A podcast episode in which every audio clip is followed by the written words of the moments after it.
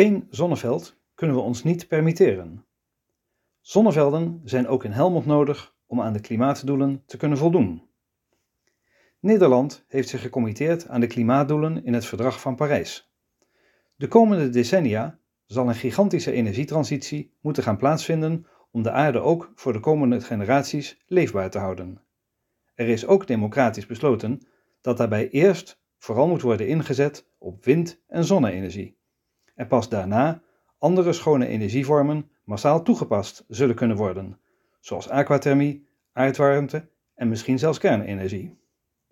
Dat is zo opgenomen in de aanzet tot de regionale energiestrategie, kortweg RES, waarin wordt geanalyseerd welke vormen van energieopwekking mogelijk zijn.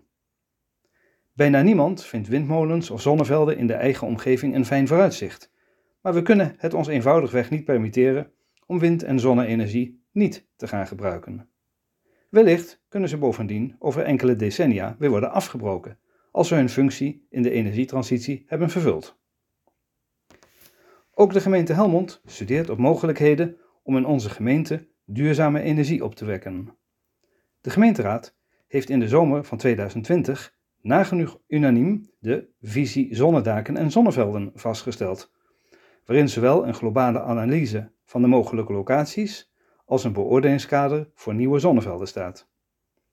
Daarin is expliciet vastgesteld dat zonnepanelen op daken alleen bij lange na niet voldoende zijn om de bijdrage van onze stad in de energietransitie vorm te geven.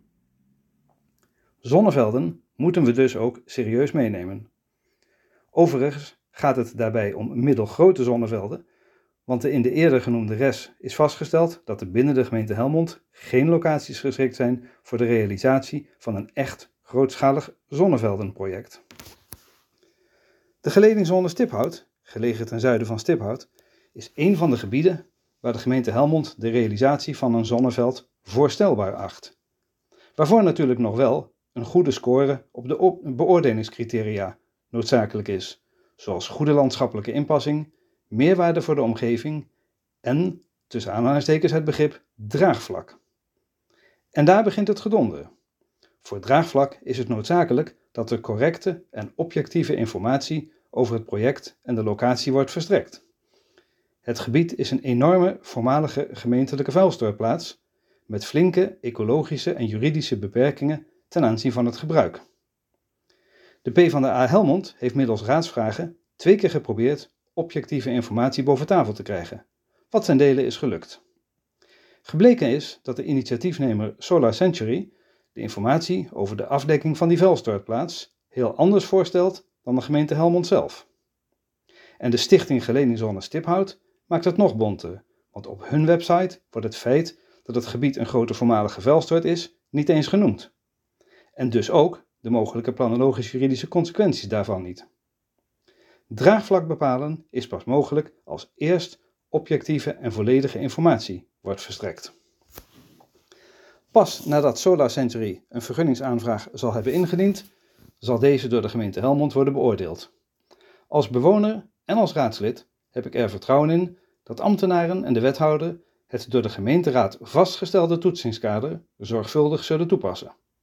Bovendien, als onderdeel van de vergunningsprocedure zal de gemeenteraad ook een zogenaamde verklaring van geen bezwaar moeten afgeven. Het is dan ook wel opvallend dat er nu al een coalitiepartij is die zich nadrukkelijk tegen dit zonnevelden plankeert. Hebben zij dan geen vertrouwen in het beoordelingsvermogen van onze ambtenaren, van de wethouder en van de gemeenteraad? Bovendien, zelfs als er toch een vergunning zal worden verleend, dan zal daartegen nog bezwaar kunnen worden gemaakt, zodat zo'n vergunning daarna keurig gerechtelijk zal worden getoetst. Zo hoort dat in onze rechtsstaat te gaan.